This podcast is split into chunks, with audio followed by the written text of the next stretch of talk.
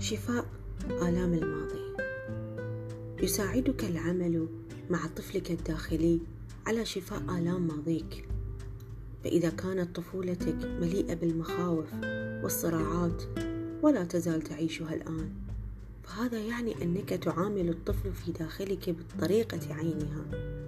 لذلك عليك تخطي حدود أهلك والإتصال بالطفل في داخلك لمساعدته. طمئنه وعبر له عن حبك له.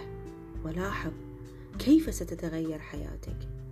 فتنتظرك أجمل التجارب بعد ذلك. اجلس في السكون واغلق عينيك وتكلم معه. قد ترى الطفل في داخلك قد تشعر به وقد تسمعه. من أهم المشاعر التي قد تعترف بها للطفل في داخلك هي التعبير عن أسفك لعدم التكلم معه لفترة طويلة. اسأله ما الذي يفرحه؟